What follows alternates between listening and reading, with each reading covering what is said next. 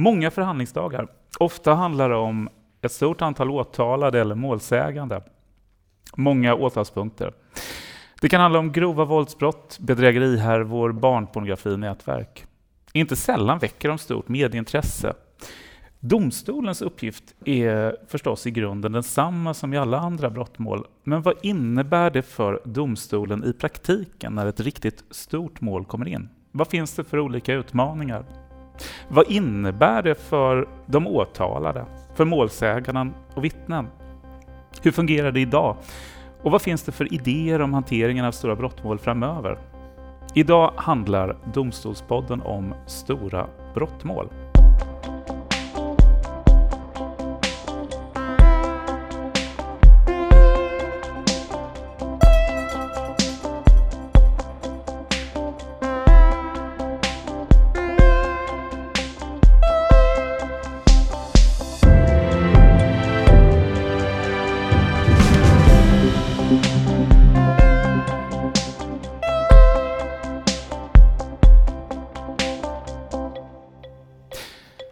Och jag säger varmt välkommen till Domstolspodden Eva Wendel Rosberg, chef på Malmö tingsrätt.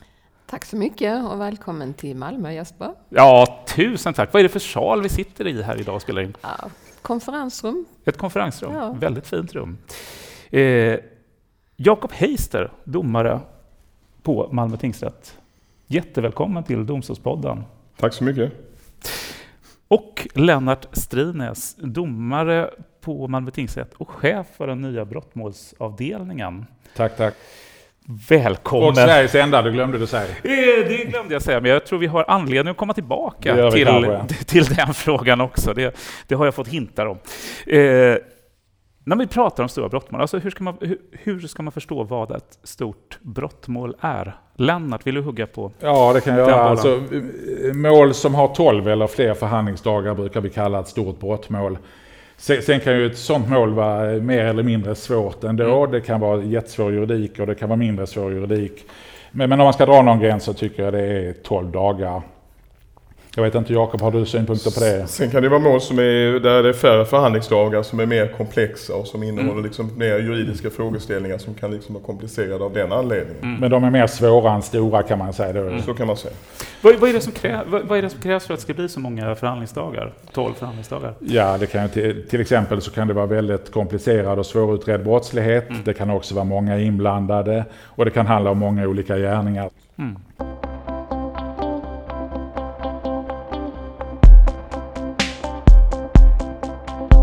När det gäller utveckling på det här området, Eva, du som domstolschef för Malmö tingsrätt. Eh, hur skulle du beskriva utvecklingen när det gäller just stora eh, brottmål? Blir, blir de fler? Vad, vad innebär de för De din domstol? stora, ja, de Ja. stora blir ju fler. Går vi Ja. tio år tillbaka i tiden så Mm. tyckte man kanske det var mycket tre, fyra dagars förhandling. Mm, Eh, Nu tycker vi fem, sex dagar är inte så väldigt mycket. mm, Och så kan man sitta många månader. När vi pratar om stora mål, så en gräns när man är en juristdomare eller två, det brukar vara ungefär vid 12 dagars förhandling. Mm. Så är det då två domare som i flera månader sitter i samma mål, Mm. eh, istället för att avgöra kanske hundra andra mål, så är det ju andra parter som får vänta på att få sina mål avgjorda. Och vi har lite en resursfördelningsmodell som gör att vi inte får pengar för att- sköta de här stora målen med, med lite extra resurser. Och då får ju andra vänta helt enkelt. Så Mm. det är ett bekymmer.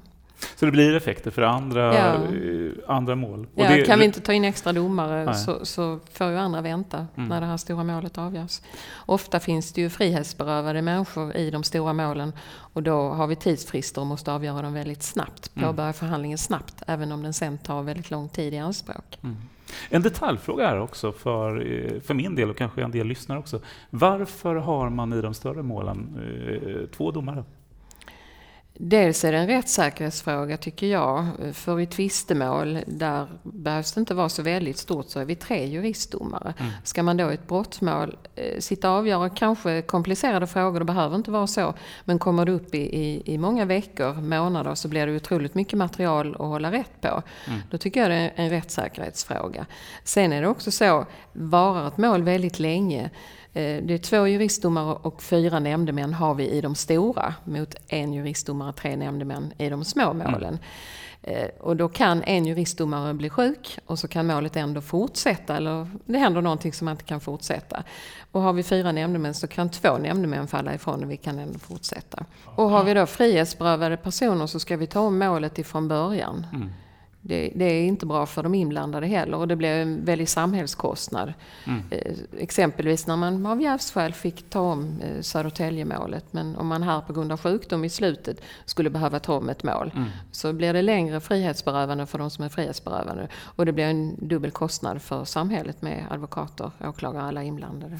Ja, och den situation du beskriver låter ju också som att det är ju dels i det läget effekter för de som är inblandade i just ja. det målet. Men ja. sen med tanke på att när du talar om resursuppbindningen kring ja. de stora målen så slår det mot betydligt fler mål än, ja. än bara det vi talar om där. Och det, och det, det, som gör att det är en fördel också att vara två av de här större målen det är ju att den som sitter som rättens ordförande mm. har liksom en roll att, eh, att styra förhandlingen och det kan vara ganska komplicerat. Många personer som man ska, mm. som ska höras och som man ska ge ordet till och så medan då den som då sitter vid sidan om kan ha möjlighet att lite mer tydligt fokusera på det juridiska och så kan man samordna det. Mm. Så det är en fördel också. Och även om vi har mycket digitalt så det kan ju handla om tiotusentals sidor. Mm. Vilken roll är roligast som domare då i ett stort mål? Nej, roligt låter ju eh, lite, eh, men det får ni ju ursäkta att jag kommer från, från en annan bakgrund. Men är det roligare att vara den som är ordförande eller är det roligare att vara den som sitter och bevakar de juridiska frågorna? Nej, jag, jag har suttit på stora mål där jag var, inte har varit ordförande och det det kliar lite i sådana här ordförandefingrarna då ju, liksom, mm. när man inte riktigt är den som kan styra. Men mm. Samtidigt så är det ju trevligt att se en kollega leda förhandlingen också ju. Mm. Den möjligheten har man ju inte i vardagen när man sitter själv med nämnden och dömer. Utan man får den extra aspekten också att man kan liksom fundera på vad man själv gör mm. rätt eller fel och lära sig av det också. Så det är också intressant. Vi ska säga att vi har inte suttit tillsammans så det är inte då fingrarna har kliat. Nej, nej. nej. inte vi heller, nej. det, det, det, är inte bara ni tre som är domare på Malmö ja. tingsrätt här. Nej. Alltså nu är jag ju så gammal och varit chef så länge så att eh, det var länge sedan jag var eh, andra man. Så att jag, jag tycker det är trevligt att eh, leda förhandlingen. Mm. Eh, Sen är det lite, man, man kan säga att eh, ja, men andra domaren får då vara mer fokuserad på vad som händer och föra mer anteckningar och så. Mm. Och då blir det en yngre domare så, som sitter som andra man och det kan ju också vara en bra övning mm. inför att man själv, sen tar steget och själv är ordförande i ett väldigt stort mål. Mm. Ja, men det är alltid en bra skola att ha suttit mm. med som andra man innan man eh, leder så, så här stort mål själv. Mm. Och jag tänkte vi ska lite senare komma in på de här frågorna också kring den, eh, den nya brottmålsavdelning som som vi nämnde inledningsvis. Men eh, Jakob, du hade för inte jättelänge sedan, för ett, ja vad blir det, drygt ett halvår sedan, i som, ja mer är det, men i somras, ett stort mål. För, förra sommaren hade vi vid Malmö tingsrätt ett stort mål som gällde påstådda assistansbedrägerier, bedrägerier med den statliga assistansersättningen. Och som satte oss på särskilda prov egentligen, för det kom in ett stort åtal alldeles i slutet av maj. Mm. Och där det var uppenbart att den här förhandlingen skulle vara tvungen att genomföras helt ut under semestertid. Alltså under sommaren. Och det kom helt oväntat för tingsrätten också. Ja. Mm. Och hur, hur, omfattande var målet? Alltså hur många, hur många inblandade? 25-tal tilltalade tror jag det var. Och mm. det var så det var många. Mm. Och vad var, det, vad var det de var, du, du nämnde det rörde ett misstänkt assistansbedrägeri? Det var två, två, personer som hade rätt till statlig assistans och där påståendet var att de hade lurat till sig ersättning som man inte hade rätt till genom att påstå att man hade utfört mm. arbete. Mm. Så det, det, var det som målet gällde mm. och det som, som bevisningen gällde också, de frågorna. Om man går in för det här, eh, de frågorna som då handlar om för domstolen och för dig som domare eh, i termer av utmaningar när man har ett, ett så stort mål. Vad finns det för, vad finns det för, eh, för svårigheter med, med det mål du hade? Att... I det, det sammanhanget blir ju alldeles uppenbart att det är en ut, det är, dels är det utmaning för hela domstolen men sen är också den här typen av mål är också väldigt tydligt att det är ett samarbete mellan domare och handläggare när det mm. gäller att, eh, att se till att det här går att genomföra på ett bra och rättssäkert sätt. Och vad är det för samarbete som krävs där? Vad är, jag tror att många av våra lyssnare är inte fullt ut införstådda med hur, hur gången ser ut i ett, i ett mål när man pratar om handläggningen. Vad är det, då kommer, in det, då kommer in det här åtalet. I det här målet så var det ett antal personer som var häktade. Vilket mm. innebär att man ska påbörja huvudförhandlingen inom två veckor. Mm. Och så ska man då planera en förhandling som i totalen höll på ungefär 30 dagar. Mm. Då är det försvarare till de här 25 personerna som ska bokas in. Mm. måste hitta dagar där de kan och när det finns salar som är tillräckligt stora för att kunna hantera den här mm. förhandlingen. Så det är klart att när det gäller att boka in eh, dagar och så, så är det huvudsakligen en handläggaruppgift. Mm. Och så gäller det utifrån ordförandeperspektiv att planera hur förhandlingen ska genomföras. Sådana stora mål har man ju en skiss från åklagarens sida hur de tänker sig att man ska genomföra den. Men måste ju vi tas till oss den och processa den också. Mm. Och sen så kommer arbetet med att kalla och få alla de här personerna på plats till alla de här dagarna som är då. Funkar det bra i ditt mål? Det funkar alldeles utmärkt ja. En eh, eh, rutinerade och duktiga handläggare som har jobbat med tunga brottmål länge som var engagerade i det här. Mm. Jag tänker att nu, har, eh, nu är vi inne i frågan just om, om perspektivet från, från domstolens sida. Men för de som ska komma till domstolen, antingen eh, för att de är tilltalade, alltså åtalade för, för brott, eller att man ska vittna, eller att man är målsägande, alltså den som kan vara ett brottsoffer. I de här riktigt stora målen, eh, är det något, blir det en speciell situation för dem också, som ni behöver förhålla er till? Man kan Jacob. ju se det på olika, det här målet var ju inte känsligt på det sättet nej, ju. Nej. Eh, när det gäller allvarlig våldsbrottslighet så kan det ju vara så att det är väldigt, det kan kännas ett obehag inför vittna till exempel. Mm. Och där det kan behövas särskilda eh, åtgärder för att kunna minska den oron. Och så är det rätt så ofta i våra allvarligaste brottmål ju. Mm. Vi handlägger ju på vår brottmålsavdelning nu två större eh, mordåtal. Mm. Och det, det, är klart att det är en stor anspänning för vittnen och målsägande att komma och berätta vad som har hänt. Eh, och det är också, tycker jag, det talas ju ibland om tv-sända rättegångar, men jag tycker det är ett viktigt skäl emot tv-sända rättegångar därför att redan idag är det svårt nog att få hit vittnen och målsägande mm. i den typen av mål. Sen kan man ju också hålla vittnesförhör på videolänk från en annan domstol så mm. att de inte behöver komma till den domstol som håller huvudförhandlingen. Eh, och sen finns det ju vittnesstöd, så det finns ju eh, åtgärder för detta. Mm. En sak som är speciellt när det gäller de här stora målen och att de är så svårplanerade det är ju att man har väldigt lite möjlighet att ta hänsyn till vissa önskemål när det gäller tider och datum utan mm. det är på något sätt att man måste lägga ett system där man när det gäller vissa försvarare och när det gäller åklagaren också lite, får sätta sig på mm. dem och säga att vi måste genomföra det de här dagarna. Mm. Och är det då sagt att det ska kallas ett vittne till den 20 dagen på förmiddagen så får det bli så om det inte finns några andra särskilda skäl som gör att man får försöka rucka på den planeringen. Mm. Jag tänkte på en sak som vi pratade om i, i början här också, när, vad det är som kan känneteckna de stora brottmålen. Eh, det här med komplexiteten i mål. Jag tänker också att sannolikt så är det väl så att eh, i takt med att samhället förändras, brottsligheten ser annorlunda ut, att det blir en ny, nya typer av brott, nya typer av bevisning som, som läggs fram i de här målen. Eller hur ser, hur ser det ut? Alltså lite kan man säga att kriminaliteten flyttar in på kontor. Ja, Bankerna har inga ja. kontanter längre. Mm. Så eh, då, då, skapar man en verksamhet och det kanske är så lite grann i assistansmålet där. Men mm. att man flyttar in och så via internet så kan man snabbt och enkelt och billigt eller via telefon lura väldigt många människor på pengar. Mm. Och då blir det ju, då blir det ju ja, många involverade, många som är lurade och, och många kanske som är involverade i, i den verksamheten. Mm. Det material, alltså det, eh, den stämningsansökan som åklagaren lägger fram, är det, eh, när det gäller den bevisning som domstolen ska pröva, är den mer komplicerad i de här målen än eh, när det gäller, om man tar typiska våldsbrott där, där det kan finnas eh, vittnesuppgifter, teknisk bevisning och så? Jo men alltså det skiljer sig åt väldigt mycket våldsbrott och de här ekonomiska brottsligheten. Mm. Eh, när, när bevisningen väl presenteras för domstol så ska den vara begriplig för ja, domstolen. Ja. Men den är mycket svårare att ta fram. Det, det, det är ju väldigt vanligt med internationella pengaflöden nu som ju tar jättetid att utreda. Mm. Och svårt att spåra pengar. Det är ett exempel.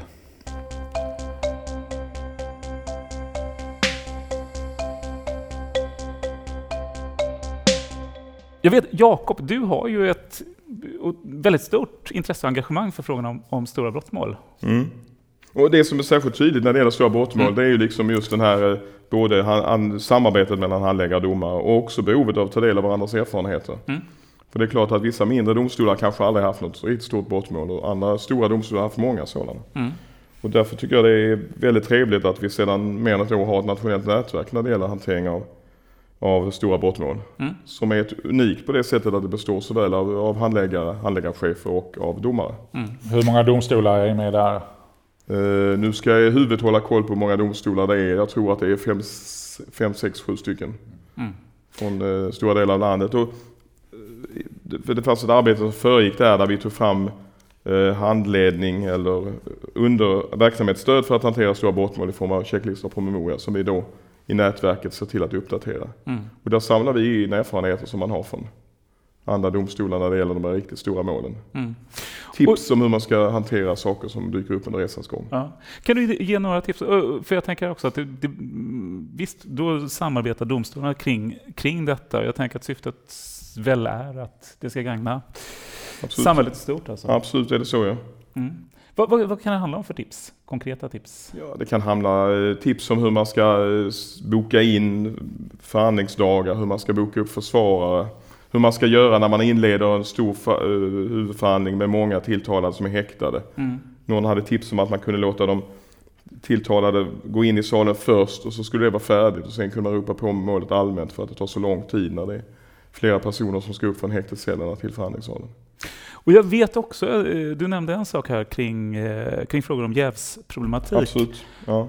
Där det kan finnas speciella utmaningar i mål. Så kan det vara. För eh, ja, det är snart tre år sedan så hade jag ett stort mål som gällde bedrägerier. Alltså mm. man lurade folk när det gäller annonser på Google. Mm. Och där det var mer än 2000 målsägande i målet. Och där det var, självklart var väldigt viktigt att kontrollera dels att jag och min meddomare inte hade någon kontakt med de här målsägande tidigare. Men även de nämndemän som skulle sitta med. Och då mm. Hade vi ett särskilt möte med nämndemännen. Där de i förväg hade fått gå igenom den här listan på olika privatpersoner, företag och personer som hade enskilda firmor. Mm. För att kontrollera att de inte hade någon koppling. Mm. Och där det sen ledde till att vi kunde genomföra den här förhandlingen i, i, i lugn och ro utan att ha den, den oron för att något skulle dyka upp under resans gång. Precis, och, då är, och då, om man då vänder det från domstolsperspektiv så för, för samhället utanför domstolen så är det klart också att risken skulle ha kunnat vara att ett sådant mål hade behövt tas om, att, om det hade upptäckts långt senare under förhandlingen. Absolut, och det hade ju varit en katastrof för de inblandade som hade varit, varit tvungna att gå igenom det här igen. Men det mm. hade ju också varit enorma kostnader med att genomföra hela eller delar av förhandlingen på nytt. Mm. Det måste man ju undvika, så detta var ett bra sätt att minimera risken för att sådant skulle kunna inträffa. Ja, advokatkostnaderna i de här målen är ju väldigt, väldigt höga. Så, är det. Mm. så det, är, det är väldigt mycket pengar det handlar om. En annan sak som är, eh, som är tydligt är ju många av de här målen, långt ifrån alla stora brottmål, men många stora brottmål får väldigt högt, eh, ett väldigt högt intresse för allmänhet och eh, via media, medias rapportering om målen. Eva? Och det försöker vi ju möta, lägga mm. ut den information vi kan så att mm. det blir en transparens så att man kan följa det. Mm. Både journalister och allmänhet. Mm. Hur, hur, eh, hur, gör ni, hur kan ni göra i praktiken just när det gäller de här målen, där ni vet att här kommer det vara väldigt många journalister som vill följa förhandlingen och rapportera om den. I, I, större mål där det är en ordentlig huvudförhandlingsplan mm. så kan man lägga ut delar av den. Vi kan inte lägga ut namn men ändå en del på hemsidan. Mm. Eh, ja. ja. Vi har reserverade platser också för journalister ja, i, ja. i rättegångssalen. Mm. kan det också vara viktigt att informera om när det händer saker i huvudförhandlingsplanen som mm. man, man vill uppmärksamma på. Att det mm. tillkommer saker eller att förhandlingsdagar. Och sen också information om när, det, när förhandlingen är slut, när det kan förväntas komma en dom och sen mm. såklart information när domen väl har kommit. Mm. Pressmeddelande så. Det är klart att ta, svårt att ta till sig på kort tid en väldigt stor dom. Så det underlättar ett pressmeddelande. Mm. Pressmeddelanden och intervjuer ja, brukar vi ha. Domarna är tillgängliga. Ja. Men, men det är, som du sa Jesper, så att ett stort mål är inte synonymt med att det är medialt uppmärksammat heller. Vi har haft eh, jättelånga fakturabedrägerimål mm. som ju ingen journalist mm. varken vill eller orkar eh, sitta med på förhandlingen. Så att ofta är det ju då, våldsmålen är ju alltid intressanta. Mm. Jag tänker ju här också, som, eh, som vi sa i början av programmet, Lennart, du är sedan en tid tillbaka chef för en helt ny brottmålsavdelning på Malmö tingsrätt. Ja. Vad och, och varför och hur? Nej men det här har ju med att göra, Eva var inne på det lite grann, att ja. eh, de stora och medelstora målen eh, mm. har ju över tid blivit många fler. Eh, och för tio år sedan när man fick in ett eh, tredagarsmål så väckte det viss uppmärksamhet. Och vem ska ha det här målet? Mm. Och, och, och, den där bilden är ju helt förändrad nu. Det har blivit väldigt vanligt med 3 till 10 dagars mål och mm. även de här målen som är riktigt långa. Vi har haft mål på 40-50 dagar. Eh, har, har ju också dykt upp och det, och det är någonting helt nytt. Det har hänt väldigt mycket på en tioårsperiod. Och, och då är det ju så också med de här stora målen så är det ofta snäva tidsfrister som gäller därför att det handlar om häktade personer. Mm. Och då går det inte att undvika att de här stora målen försvårar planeringen av tingsrättens övriga verksamhet. Jag tänker då på brottmål som inte är förtur, jag tänker på dispositiva tvistemål och jag tänker på familjemål. Mm. Så att vi ville göra någonting åt detta på Malmö tingsrätt, hade diskussioner och arbetsgrupper och bestämde oss för att eh, tillskapa en brottmålsavdelning för att eh, ha en bättre beredskap för att kunna hantera de här stora brottmålen. Eh, och vi har hållit på sedan den 3 september förra året. Men so far so good. Så jag tror att avdelningen är här för att stanna. Jakob jobbar ju på avdelningen också. Jag vet inte vad du, Vi glömmer att det är lönesamtal snart. Ja, det är spännande att få, att få fokusera på det här sättet tycker jag. Det är väldigt, eh, en väldigt uh, utmejslad arbetsuppgift man har liksom, som domare på den här avdelningen. Mm. Man sitter i förhandling, man skriver domar och man fattar en del beslut som behöver fattas under resans gång också. Sen har vi den fördelen också, ska jag säga, att alla, alla som jobbar där har ju sökt sig dit. Vilket ju, jag, jag, gillar inte ordet nybyggaranda, men, men lite så är det. All, mm. alla trivs väldigt bra och tycker straffrätt är kul. Och det är där eh, jag vill ju verkligen få grepp om detta. För eh, som domare, eller ni som har eh, sökt er till just brottmålsavdelningen, vad är det som är, vad är, det som är eh, fördelen med brottmål? Vi kopplar vidare till Jakob. Jakob. Men för, är, man, är man intresserad av straffrätt så är det klart intressant med ja. brottmål. Ju. Ja. Och i brottmål så finns ju hela livet på något sätt också. Det tragiska och det, det allmänmänskliga. Och så, mm. är det, så är det liksom, ibland kan det vara de här korta målen på några timmar som är intressanta. Där det är mm. juridiska frågor och människor som man får träffa. Mm. Och sen är det de här längre och mer komplicerade målen som kräver ett annat engagemang och en mer långsiktig planering. Så det är båda delar egentligen. Mm. För, ja. Jag ska säga för mig som chef också så var det ju, Jag har ju varit här eh, egentligen alldeles för länge på Malmö tingsrätt som chef i 11 år. Så att för mig var det ju lite grann en nytändning också att eh, få bygga upp en helt ny avdelning med en helt eh, ny inriktning. Mm.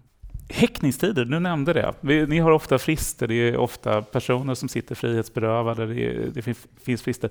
Emellanåt så kommer det upp kritik mot att vi i Sverige har väldigt långa häktningstider, att människor sitter häktade lång tid och så. Stämmer den bilden? Mm, hur ser problematiken ut när det gäller häktningstider? Eh, ja men absolut så finns det fog för kritiken när det gäller häktningstiderna i vissa mål. Eh, och häktningstiderna har ju generellt sett blivit längre med tiden. Eh, jag tror att det finns tre huvudskäl till det. Ett är att eh, brottsligheten helt allmänt har blivit mer komplex och svårutredd, vilket ju då per automatik leder till längre utredningstider. Mm. Det är också så att brottsligheten har blivit mer internationell, den gränsöverskridande, vilket innebär att svenska polis polisen oftare behöver begära biträde från andra polismyndigheter i Europa, det kan vara i USA. Och, och, och de åtgärderna tar ofta tid och det är ingenting vi kan göra någonting åt. Men den största orsaken till de långa häktningstiderna det är NFCs handläggningstider, alltså Nationellt forensiskt centrum där man gör DNA-undersökningar, eh, provar vapen och så vidare. Eh, det, det, har funnits kritik mot de handläggningstiderna i många år och det är den enskilt största boven till de långa häktningstiderna. Det väcker ju i sig frågan om häktningar. Hur, domstolen säger ju vid en häktningsförhandling ja eller nej till häktning och i omhäktningsförhandlingar samma sak. Men Jakob, alltså hur länge kan man som person sitta häktad och i vilka lägen är det domstolen som kan agera? I regelverket som finns nu finns ju inga absoluta tidsfrister. Däremot så och ofta är det så att folk sitter, blir, ursprungligen blir de häktade vid ett tillfälle och sen så får åklagaren viss tid på att väcka åtal och så begärs mm. det förlängning gång efter gång. Och det finns ju de som begär, som hela tiden går med på den här begäran om förlängd åtalstid och då efter någon månad så kontrollerar tingsrätten att utredningen drivs på ett effektivt sätt. Mm. Då kallar vi till omhäktningsförhandling trots att det har, inte har begärts det. det. Det får vi göra då för att kontrollera att man bedriver utredning tillräckligt effektivt. Men ofta är det som Lennart säger att man väntar på analysbesked och man väntar på besked från eh, rättshjälp med andra länder. Och eh, då tar det mycket lång tid. Analys av narkotika är också något som, som tar tid. Ja, alldeles för lång tid. Ja. Mm. Både själva narkotikan som ska analyseras så har den legat, den ligger ofta i ett emballage och då ska man analysera och kontrollera fingeravtryck på plast som har varit runt den och så. Mm. Sen finns det ju en rimlighet. Hur, hur mycket kommer den här personen att dömas för mm. om, om personen döms för det som den är misstänkt för? Mm. Eh, och också då att man får se till att det är mycket, mycket svårare att sitta häktad, kanske med restriktioner, ingen kontakt med yttervärlden, mm. än att sitta på anstalt. Kan vi ta något exempel alltså på, på ett brott som man kan som lyssnare också förstå att ja, men så kan man resonera när det gäller rimligheten. Alltså man tar ett, vad, vad, vad är, om vi tar ett grovt narkotikabrott, påföljden, vad kan den vara och vad är en rimlig, rimlighetsbedömning? Alltså grovt narkotikabrott, där har man ju minimistraff två år och sen kan det vara ja. upp till, eh, det kan vara flera år därefter. Men eh, de brotten är ju speciella på det sättet att där är det ofta eh, att man behöver hjälp från utländska polismyndigheter. Mm. Och det är analys av narkotika och det är kontroll av mobiltelefoner och allt. Så att där har vi ju relativt ofta långa häktningstider. Det kan gå upp mot året. Mm. Det kan vi säga, det är vårt geografiska läge. Vi har en väldigt fin bro, men det kommer också in narkotika den vägen, mm. ganska enkelt. Mm. Eh, men jag vet Eva, du eh, har tittat på eh, grannlandet, Danmark också. Ja, jag besökte en domstol i Danmark. Då frågade jag lite kring planeringen. Och då kunde de flera månader i förväg tala om när det skulle vara huvudförhandling. Och vi har då, som Jakob har sagt, 14 dagar på sig i princip när åtal väcks. Hur kan ni veta när åtal ska väckas undrar mm. jag. Och då säger de att nej men ska vi få ihop detta med försvarare och åklagare och allting ska fungera så måste vi bestämma det i förväg. Mm. Hos oss är det ju så med 14 dagars varsel och kanske som assistansmålet över sommaren. Då kan man inte ha samma försvarare hela tiden för då kan försvararen inte ha semester på hela sommaren. Och då, då får man kanske byta att det kommer någon annan vissa dagar och så. Det, och rättssäkerhetssynpunkt. Mm. Och, och, för den som är, är åtalad för brott så är det förstås inte bra. Så att fördelar i det systemet som man har i Danmark kan jag tycka. Mm. Skulle du vilja ha det systemet i Sverige? Ja, jag tror faktiskt det. För att med en lite bättre framförhållning mm. så, så, så, kan, för de åtalades del att de kan få ha sin ordinarie försvarare. Mm. För att vi kan anpassa oss också eh, om vi har lite mer tid. Mm. Men det skulle krävas förändringar i den svenska I det rättsliga, ja, det skulle ja. Eller så får man jobba i Köpenhamn, det vore rätt trevligt också. Ja. ja. Man kan ju säga ja. det att vi, när, vi har, när vi förväntar oss att det ska komma till åtal så mm. gör vi ju sån här preliminär planering och mm. försöker boka in dagar. Mm. Men sen är, är det ofta så att det här beskedet som är preliminärt från åklagaren inte håller. Och då kanske vi vissa dagar vi kan använda oss av men mm. andra dagar i början av tidsperioden de försvinner därför att åtalet dröjer. Mm. Så vi gör det bästa vi kan men tydliga besked hade ju varit effektiva. Och där när du säger det bästa vi kan så kan man ju faktiskt också kosta på sig en liten framtidsutblick i Domstolspodden när vi pratar om stora brottmål. Eh, för det vi har resonerat kring här, de, eh, de brottmål som bland annat Malmö tingsrätt får in som är osedvanligt stora, innebär utmaningar för, nu har vi pratat mycket om domstolen, men utmaningar för alla som är inblandade i målen. Finns det saker som ni ser skulle kunna bli bättre, förändras? Lennart sitter och gnuggar händerna. Ja, ja. Det var inte det, det skälet. Det börjar närma sig lunchdags nämligen. Men, men, eh, nej, men överst på min önskelista står ja. snabbare handläggningstider hos NFC. Mm. För det, det, det vore den enskilt klart viktigaste åtgärden för att korta häktningstiderna i det här landet. Eh, och att korta häktningstiderna det är win-win. Eh, dels så slipper de misstänkta sitta så länge i häkte och dels skulle man, vi har problem med häktesplatser nu, mm. kortar man häktningstiderna så skulle man frigöra fler häktesplatser. Och jag förstår faktiskt inte riktigt varför man inte har tagit itu med det här på allvar tidigare. Därför att den här kritiken är mångårig och den kommer från alla delar av rättsväsendet. Den kommer från polis, den kommer från åklagare, den kommer från advokater, den kommer från domare. Mm. Så att det är nummer ett på önskelistan. Mm. Jakob, du som har eh, både arbetat väldigt mycket med stora brottmål men sen också samarbetat med andra domstolar runt om i landet. Har du, har du önskemål kring vad som skulle kunna förändras? Då tycker jag det här fördjupade samarbetet, fördjupade utbytet av erfarenheter mm. tror jag kan leda framåt också. Det, det rättar ju inte till de problemen som Lennart pekar på när det gäller långa handläggningstider hos NFC eller andra utredningsåtgärder som tar lång tid. Men det kan göra att man är mer redo på kanske en mindre domstol när man väl får det här stora målet. Dels att man har de här, den här promemorian, checklistan och dels också att man har kontaktpersoner där nätverket som man kan ta kontakt med och ställa frågor om. Hur ska vi göra när det gäller just det här? Mm. Och det är intressant just utifrån det du säger med att det kan ju vara domstolar som ni har ju löpande många stora mål på ingång, men för en mindre domstol som kanske inte har den frekvensen på, på just de stora målen. Spännande. Eva, som domstolschef, eh, vad, vad, tänker du kring, kring eh, önskemål inför framtiden? Ja, men tänker utanför domstolen. För mm. jag tänker att när unga människor kommer hit och står åtalade för inte helt obetydliga brott så har det gått ganska långt. Mm. Man ser ju redan när de är mindre än en meter höga många gånger, barnen. Hur kommer det att gå i framtiden? Så jag tror att eh, investera lite mer i barnen som man ser kan ha en risk att hamna snett i livet. Där tror jag vi får tillbaka varje krona i samhället. Både mänskligt och samhällsekonomiskt. Mm. Bra slutord i diskussionen om stora brottmål. Och jag skulle vilja säga stort tack Eva Wendel Rosberg, chef på Malmö tingsrätt, för att vi fick komma ner till Malmö och spela in Domstolspodden. Tack för att ni kom ner. Ja, jättetrevligt att få vara här. Jakob Heister, domare, Malmö tingsrätt. Tack för att du ville vara med i Domstolspodden och prata stora brottmål. Mm. Tack så mycket själv. Och Lennart Strines, domare och chef på eh, brottmålsavdelningen, Malmö tingsrätt.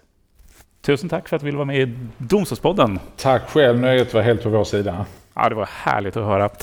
Och med det sagt så säger Domstolspodden tack för idag. För er som har eh, synpunkter och funderingar kring programmet så får ni jättegärna kontakta oss i redaktionen. Det kan ni göra antingen via vår Facebook-sida eller på e-post. Då mejlar ni domstolspodden snabeladom.se.